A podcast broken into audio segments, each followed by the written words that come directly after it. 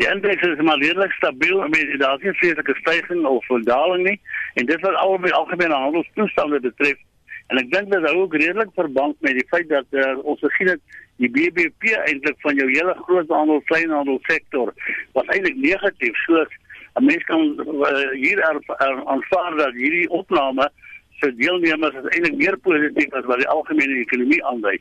En dan maar eh, dan die ander ding is natuurlik ons is 'n bietjie vorentoe kyk uh, die verwagtinge van hierdie mense is ook maar redelik negatief. Alhoewel ons sien daarom dat nuwe bestellings redelik positief is en dit dit lei ons tot 'n beter syfers vir verwagtinge en veral rondom verkope waar die verwagting beter is en ek dink dit is nogal redelik om te doen met die seisoen wat aan die kom is vir die kersseisoen en so waar gewoonlik hoër besteding vir al die kleinhandel plaasvind. En dan ehm um, politieke onstabiliteit in die land het dit 'n invloed.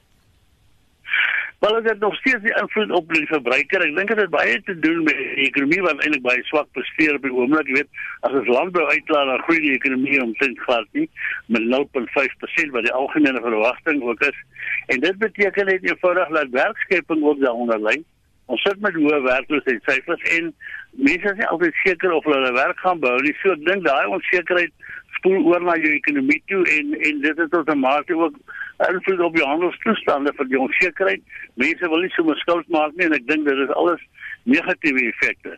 Maar as ons kyk na die werkgeleentheidsskeping veral in die handelssektor, dan sien ons dat uh, die terme van huidigelik is en ook verwagtinge is redelik 'n negatiewe gebied maar net um, ehm, 43% van jou respondente verwag eintlik om meer werk te skep. So dit is nie baie nie. Uh, so ons, ons sien eintlik dat daar moontlik ook werkverliese kan wees in die handelssektor. Inflasie